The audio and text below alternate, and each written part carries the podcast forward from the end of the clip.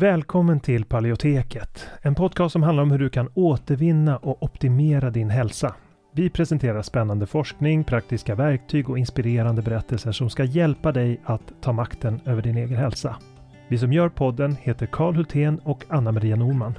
Nu kan vi äntligen avslöja startdatumet för vår efterlängtade kurs AIP Masterclass. Det blir den 15 mars som vi inleder 12 veckor av fördjupning och utforskande av sambanden mellan maten och immunförsvaret.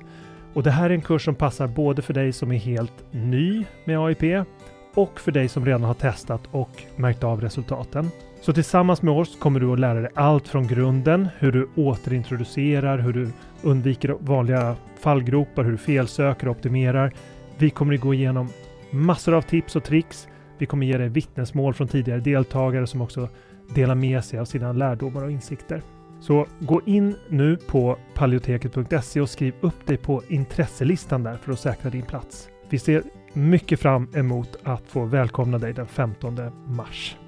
Innan vi kör igång med dagens tema vill jag påminna om att den här podcasten har ett utbildande syfte och inte utgör medicinsk rådgivning. Nu kör vi!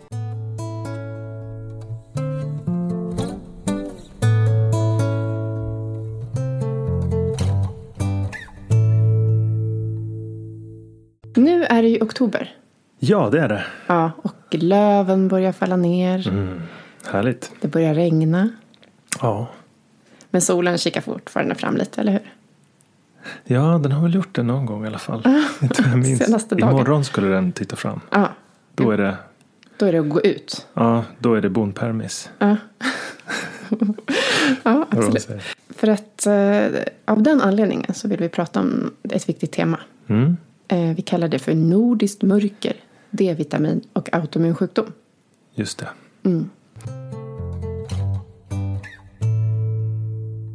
Välkommen till Paleoteket. Det här är 27 avsnittet och podcasten har funnits i ett år. Den handlar fortfarande om hur du med kost och livsstilsförändringar kan bygga upp din hälsa.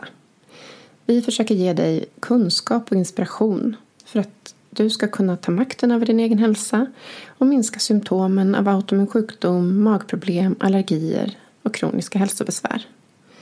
Vi som gör podcasten är Karl Hultén som är biomedicinare och bland annat en av författarna till boken Autoimmun kokbok, läkande paleokost. Och så är det jag, Anna-Maria Norman, som är beteendevetare som just nu håller på att utbilda mig till kostrådgivare och hälsocoach. Vi finns på paleoteket.se och på Facebook och Instagram. Och sen har vi ett nyhetsbrev som du jättegärna får registrera dig på. På paleoteket.se.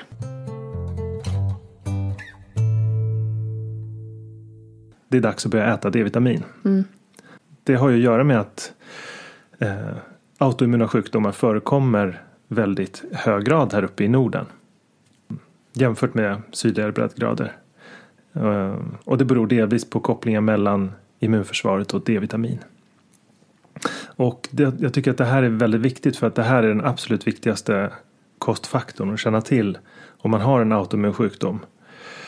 Eh, så därför brukar jag alltid rekommendera alla med autoimmun sjukdom att göra en mätning av D-vitaminnivån för att kunna justera till lämplig nivå då. Och vilken det är kommer vi gå igenom lite senare.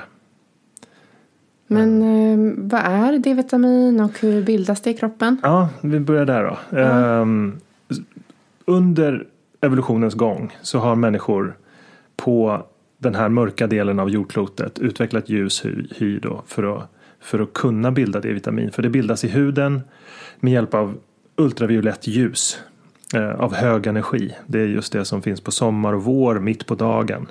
Inte så mycket tid alltså.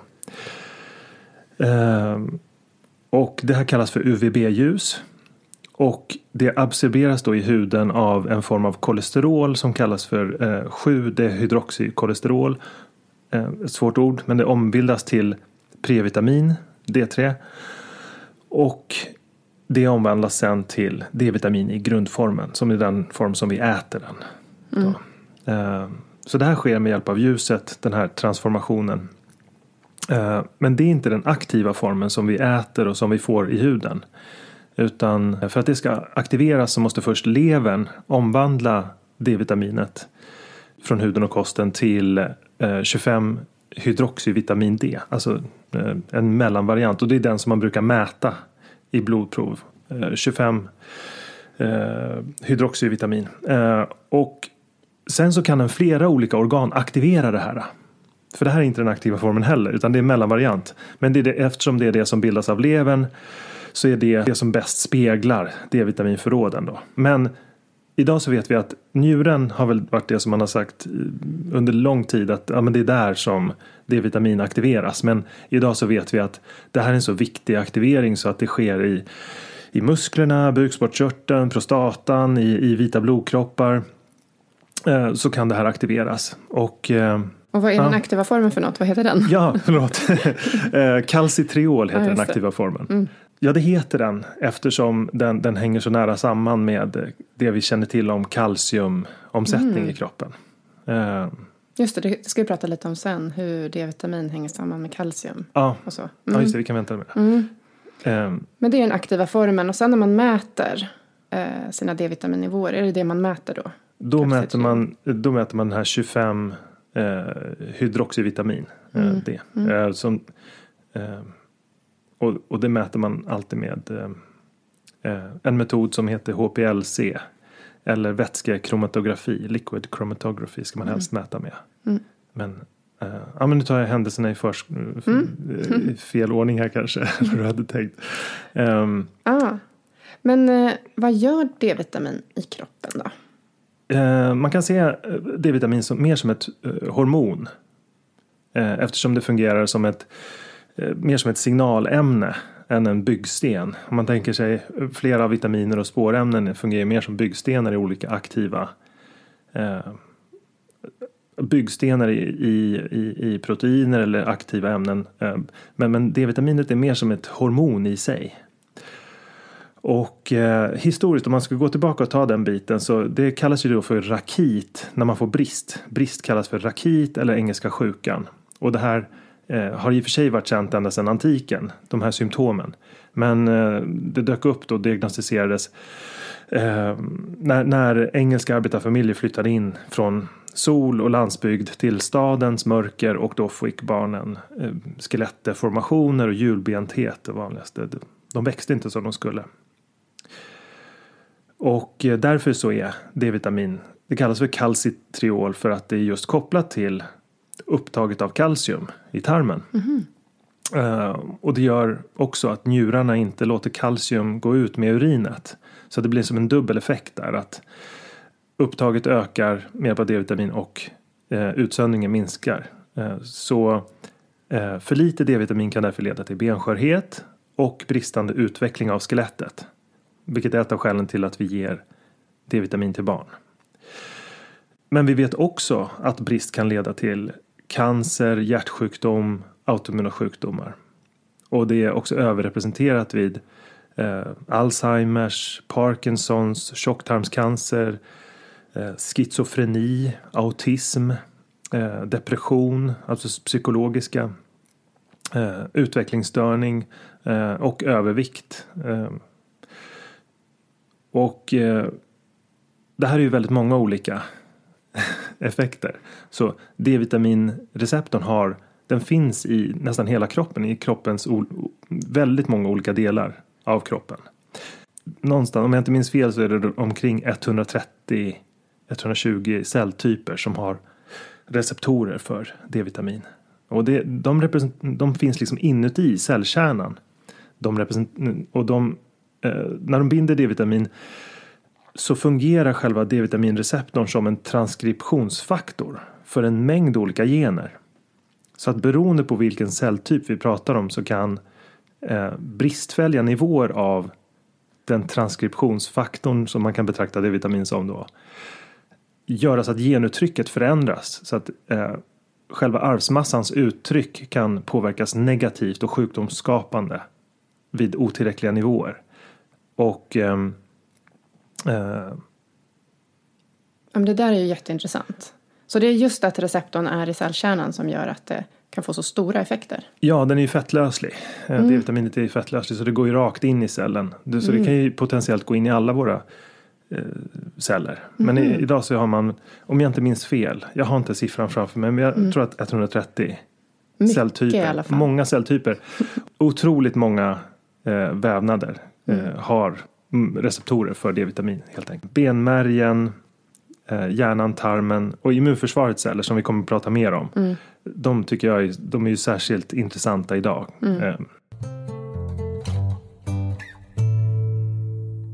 Vilken roll har D-vitamin eh, inom immunförsvaret? Det är eh, flera olika väldigt viktiga roller att- att känna till.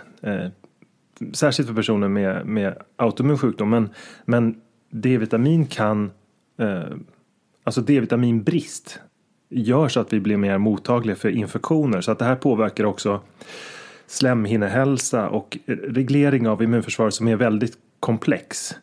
Så D-vitamin eh, innan man liksom börjar prata om de specifika effekterna så kan man säga att D-vitamin har otroligt komplexa effekter. Både när det gäller immunförsvaret som en försvarande funktion för, för att hindra infektioner då i slemhinnor till exempel. Och har en mängd olika effekter på reglering och aktivitet av olika celltyper som är involverade i autoimmunitet. Um, men för det första så vet vi att autoimmuna sjukdomar har samband med brist på D-vitamin. Och där har man sett samband med MS, reumatism, diabetes, eh, inflammatoriska tarmsjukdomarna och SLE med flera. Eh, och flera studier har visat hur låga D-vitaminnivåer hittats hos personer som har utvecklat autoimmun sjukdom. Då. När man kollat på personer som redan har utvecklat så har man sett att ah, men där finns det låga D-vitaminnivåer. Man vet också att barn till mödrar med lågt D-vitamin eh, har en ökad risk för, för autoimmun sjukdom. Eh, och när autoimmun sjukdom redan har uppstått eh, så, så har fortfarande D-vitamin en viktig roll att spela. Man har sett att personer som får ett sämre förlopp av en viss autoimmun sjukdom det är korrelerat med lägre nivåer. Så att inom en och samma sjukdom så, kan också, så är det också liksom dosberoende på det sättet. Eh, och i allmänhet eh, så ser man att personer med autoimmunitet har nästan alltid lägre eh, än friska individer. Eh, så, och, och det är kopplat till ju svårare symptom desto lägre D-vitamin om man förenklar lite. Eh, så Och varför ser man den här kopplingen då, skulle man kunna säga? Eh, jo, det är för att ehm, alltså D-vitamin har så flera väldigt viktiga roller. Eh, och de två viktigaste celltyperna, upp, vi kommer gå igenom några celltyper som är involverade här. Men just B-cellerna tänkte jag vi skulle börja med för de, kan ju vara vikt, de är ju viktiga i vårt försvar eh, mot en mängd olika infektioner genom att B-cellerna bildar antikroppar. Och vad man har sett är att de kan vara aktiva i attacken mot, alltså just bildning av antikroppar är aktuellt vid en mängd olika autoimmuna sjukdomar. Och då har man sett att eh, högre nivå av D-vitamin kan hindra sjukdomsskapande B-celler från att både nybildas och differentiera. Och det kan också dämpa deras produktion av antikroppar. Så att eh, mer aktiva B-celler eh, som fortplantar sig snabbare och är mer aktiva i attack- attacken eh, kan alltså vara resultatet av låga D-vitaminnivåer.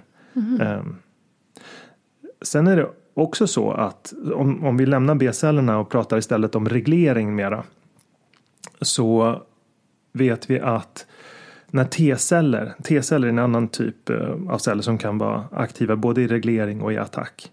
Ehm, Men det finns en typ av aggressiva T-celler som heter TH17 och D-vitamin kan hindra de här aggressiva T-cellerna från att bildas. Och eh, kan också öka, D-vitamin kan också öka mängden reglerande T-celler som fungerar lite som diplomater i en krissituation. Att de försöker mildra attacken och kan gå in och specifikt attackera eh, celltyper som har spårat ur och, och så. Eh, men inte nog med det. För att de här producerar ju olika, alltså de, de här celltyperna, eh, T-cellerna engagerar ju också lite bredare, liksom i hela kroppen, aktivering av inflammation generellt. Och då har man sett att in, inflammationsskapande signalämnen som IL-17 och IL-21 går ner vid högre D-vitaminnivåer. Och det minskar inflammationsnivån generellt. Och istället så bildas antiinflammatoriska signalämnen som IL-10 till exempel. men eh, och det, och det här involverar också eh, andra celltyper som, som också kan bilda, alltså eh, monocyter kan också bilda inflammationsskapande signalämnen och de dämpas också. Så det påverkar inte bara T-cellerna där. Sen en annan viktig eh, funktion som har att göra med tolerans för kroppens egna vävnader, det har att göra med dendritiska celler. Och där har man gör, eh, sett att då eh, den, den mognaden av eh, de här dendritiska cellerna är eh, något som kan vara negativt. Att de här dendritiska cellerna hålls i ett eh, omoget tillstånd vilket är positivt för att uppnå tolerans. Och det här är eh, också en, en, sak som D-vitamin kan bidra till. Då, att hindra att de mognar fram. Mm. Eh, så om man ska sammanfatta så kan man väl säga att eh, D-vitamin är väldigt vanligt eh, D-vitaminbrist är väldigt vanligt vid autoimmun sjukdom. Och att eh, immunförsvarets celler generellt svarar positivt. Inflammationsdämpande och för ökad tolerans och bättre reglering med ökat D-vitamin. Eh, det var en liten intensiv genomgång. Det här är mm. otroligt komplexa mm. och det finns ju hur mycket som helst att säga om interaktioner med T-celler bara. Men jag tror att det här var liksom en bra överblick i alla fall. och det känns som att uh, man förstår att det är viktigt att ha bra D-vitaminnivåer av det. Vi har ju titeln liksom Nordiskt mörker.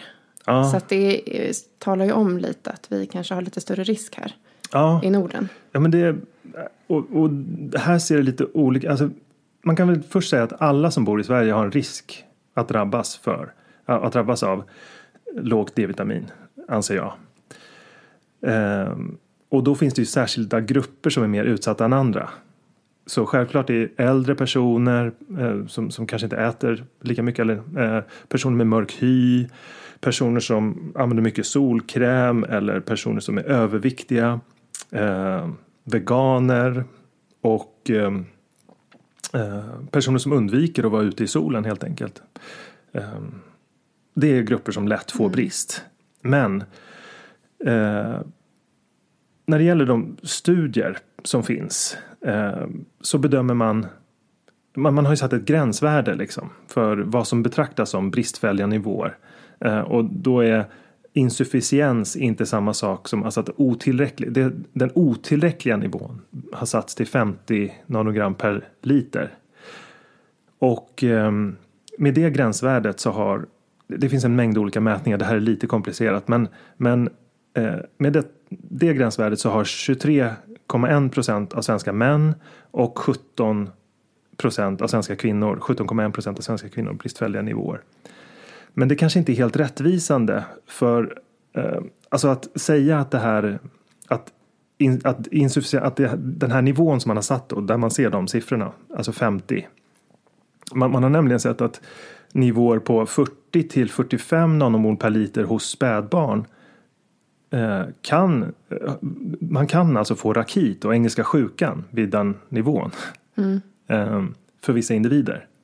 Så att, att sätta nivån till över fem, just bara 50.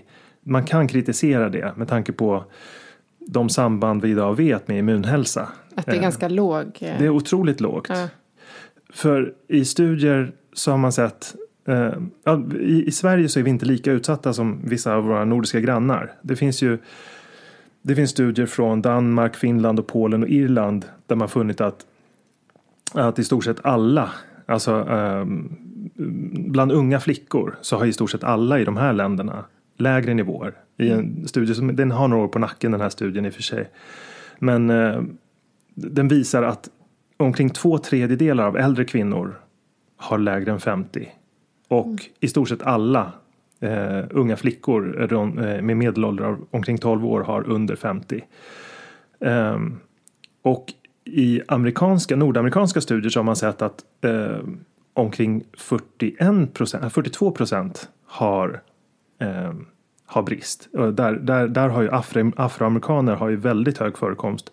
Eh, på 82 procent eh, följt av latinamerikaner på 69 och där vet vi att vi ser ännu sämre siffror eh, hos eh, eh, somaliska kvinnor som lever i Dalarna så har omkring 90 procent under mm. 50. Så, att, eh, så det, det, det, är ju stor skillnad mellan olika grupper här. Men eh, i Sverige så har vi eh, D-vitaminförstärkta mejeriprodukter till exempel och en mängd andra produkter som är berikade med D-vitamin och det verkar ha gett lite resultat för att i Sverige ser ju siffrorna bättre ut än i de här andra nordiska länderna som jag nämnde som till och med har bättre breddgrad.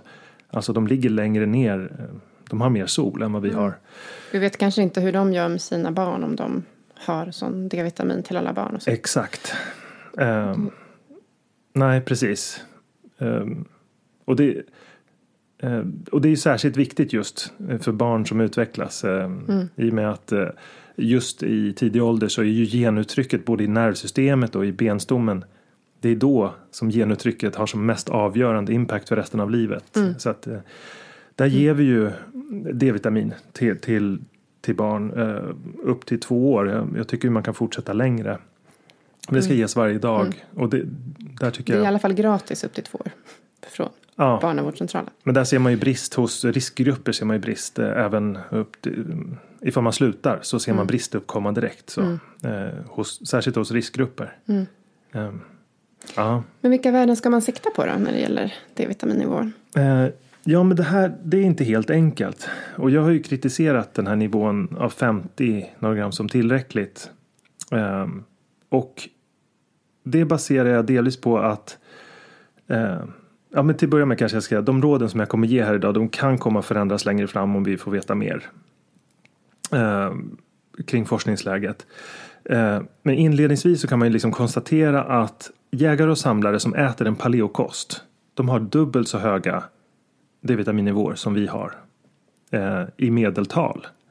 Eh, det går inte att hitta en person som har så låga nivåer som vi har. Eh, det är i stort sett alltid över 100 Eh, och vissa individer har så högt som 200. Eh, eh, och då ska man kanske nyansera det här med det, det, kanske, det här är ju personer som bor nära ekvatorn. Och eh, i vissa studier så har man sett att, att det verkar som att hälsofördelarna med att ligga över 90, alltså att det finns hälsofördelar när det gäller specifika tillstånd och så.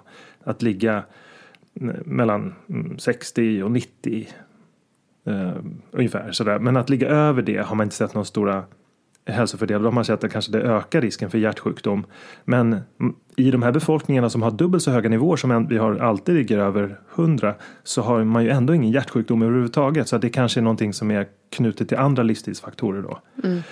Eh, och att en kombination av en väldigt kalciumrik kost eh, kanske inte är superlämpligt att äta och ha väldigt höga nivåer kan man ju spekulera i då. Mm. Eh, men inom paleo och autoimmun paleo så äter vi ju inte mejeriprodukter. Och det kalcium vi får kommer från andra källor som, som liksom fisk och benbuljong och grönsaker. Det är inte lika mycket. Vi får inte i oss lika mycket kalcium. Så att det där kan man ju liksom spekulera i. Alltså i ett eh, eh, evolutionsmedicinskt perspektiv så kanske de här låga nivåerna de, de är för lågt satta ur ett evolutionsmedicinskt eh, perspektiv tycker jag. Eftersom man måste komma ihåg att melaninet i huden är det som stoppar bildningen av D-vitamin. Det är samma melanin, alltså det här färgämnet som, som fångar upp eh, UVB-strålar och det är som också skyddar mot hudcancer. Och det är en viktig funktion. Så att alla ljushyade svenskar har ju offrat någonting viktigt för att kunna bo här. Alltså vi har offrat en viktigt, viktigt skydd. Om det inte var Alltså det förekommer ju mycket, det förekommer ju hudcancer här. Liksom det är ett viktigt skydd. Eh, så det som har uppstått är ehm, Jag tycker att man kan betrakta det som en kompromiss. Vi har inte tillräckligt höga D-vitaminnivåer här, det vet vi. Eh, och vi har förlorat det här skyddet. Så att eh, om vi kan man har, liksom, kroppen har gjort den här uppoffringen och om vi kan göra något med kosten för att tillgodose de här nivåerna så är det någonting som borde vara bra. Samtidigt behöver man hitta stöd för det i forskningen om man ska säga det. Mm. Men eh, eh, vi har inte optimala nivåer i Sverige och förekomsten av autoimmuna sjukdomar här uppe visar det. Det är kopplat till latitud och D-vitaminnivåer. Så att det är egentligen ganska enkelt. Och samtidigt så vet vi att det krävs ganska höga doser för att D-vitaminförgiftning ska uppstå. Det är över doser över 220 eh, nanomol per liter. Och då är hyperkalcemi sånt som kan uppstå då, njursten och sådana saker.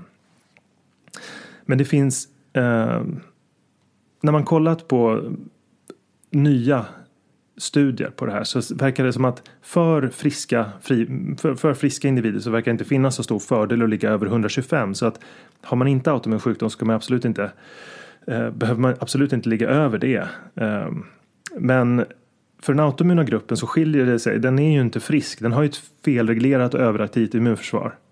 Eh, och då kan jag tycka att man kan tolerera högre nivåer eftersom D-vitamin har väldigt positiva immunreglerande effekter.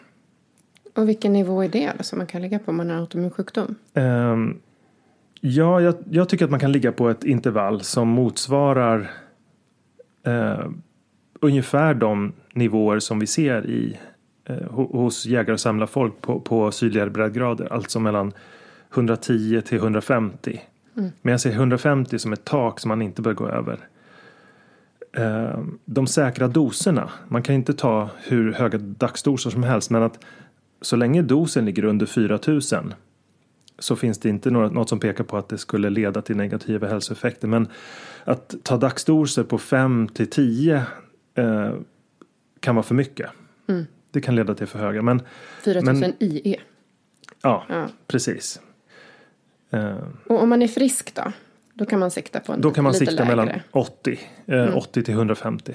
Mm. Det är det funktionella spannet. Eh, där tillräckligt med D-vitamin, alltså att ligga över det ger inte positiva effekter på varken immunförsvar eller andra mm. eh, gentranskription. Eller, men det, det, är liksom, man får se det som en funktionell hormonell nivå eh, där det ger optimala effekter på gentranskription och så. Mm. Eh, och man har när man har satt gränsvärdena i Sverige. Jag tycker det verkar som att man har utgått ifrån de nivåer där man ser att ohälsa uppstår. Det är inte alltid det är liksom förenligt med optimal hälsa. Och särskilt inte när vi ser att autoimmuna sjukdomar ökar. Mm. Och eh, i USA har man höjt gränsvärdena. Man bör ta hänsyn till vad som kan anses optimalt ur ett evolutionsmedicinskt perspektiv. Man kan inte bara stirra sig blind på när ohälsa uppstår. Mm. Och eh, också vill jag kanske eh, frisera siffrorna lite kan man tycka. Eftersom man sätter ett lägre gränsvärde så förefaller det som att fler är friska. Mm. eh, och vi vet att det är en betydande del av Sveriges befolkning. Alltså det 20 procent. Alltså det är högt mm. trots att vi har förstärkta livsmedel då. Mm. Men doser för, för vuxna då skulle det kunna vara mellan 2000 och 4000 IE? Ja, Precis. Um, och hur, hur, funkar det nu när man tar D-vitamin? Då, då, då, det lagras ju ett par månader, eller hur?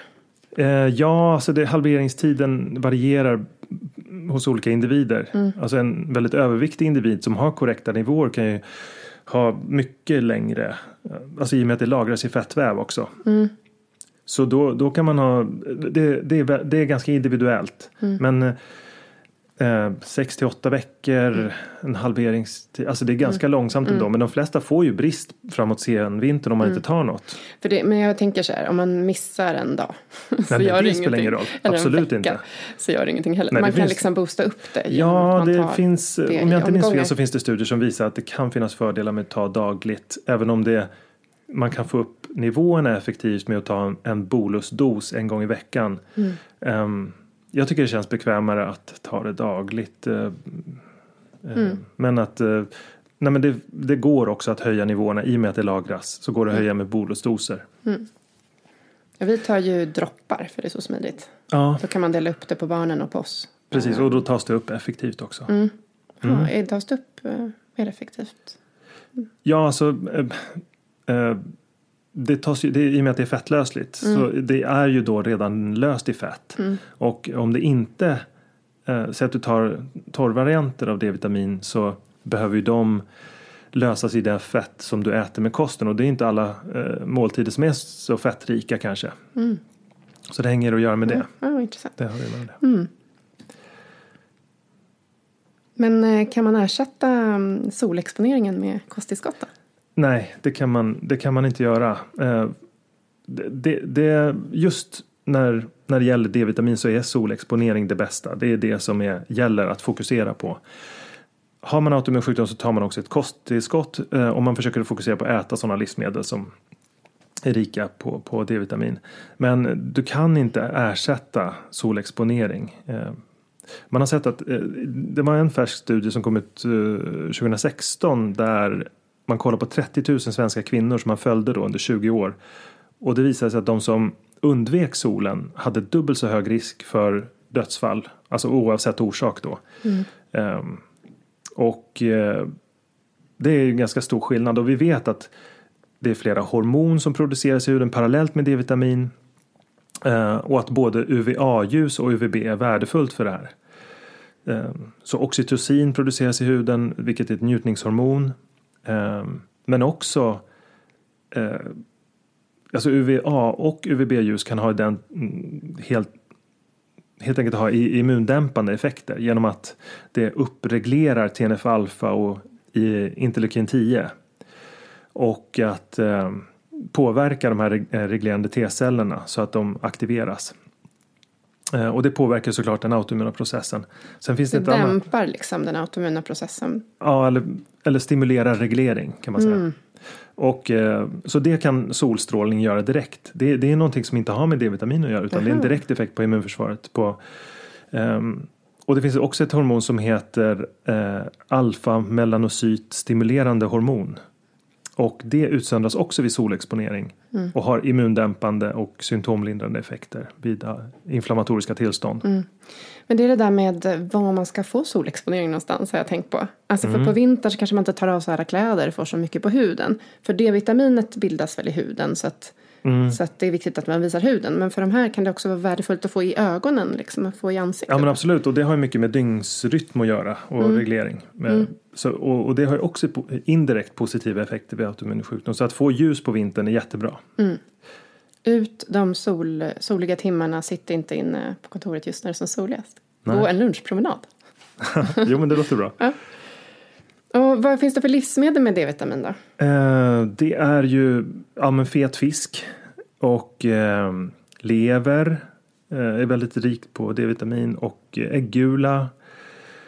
Eh, men jag, jag tycker att, att fokusera på solen och liksom fet fisk och ett tillskott tror jag är bra för alla med autoimmun sjukdom.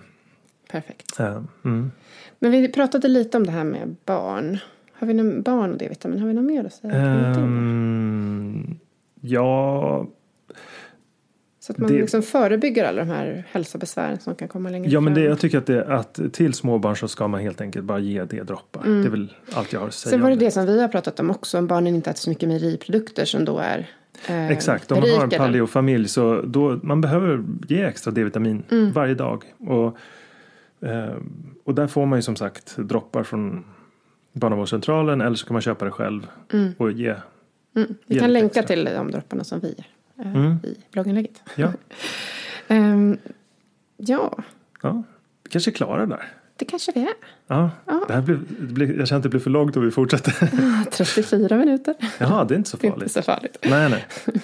Eh, Men, men eh, ja, oktober och gå och handla ditt D-vitamin då. Ja, men För det det är inte alla kosttillskott behövs ju liksom inte för alla. Men just D-vitamin är ju lite speciellt. Ja. Och vi måste inse det att vi bor ju i Norden. Ja, jo, men det, det är någonting som man får komma ihåg att eh, bara för att vi har ljus hy och det är en genetisk anpassning. Kom, kom, tänk det mer som en gen, genetisk kompromiss. Där kroppen har gett upp någonting viktigt och då ger den inte upp allt det. Eh, så att det eh, den kompromissen gör inte att vi får optimala nivåer. Så kom ihåg det, vi har inte optimala nivåer naturligt här. Jag tänker också på alla människor som har mörk hy som bor i Sverige. Det Ja, blir ännu det. viktigare för dem. Ja, precis. Där, som vi var inne på, vissa grupper har ju i stort sett alla, eh, och framförallt kvinnor då. Eh, I stort sett alla eh, har D-vitaminbrist helt enkelt. Så det är ju allvarligt och det är ju en tickande hälsobomb i och med att vi vet hur det förvärras över generationer också.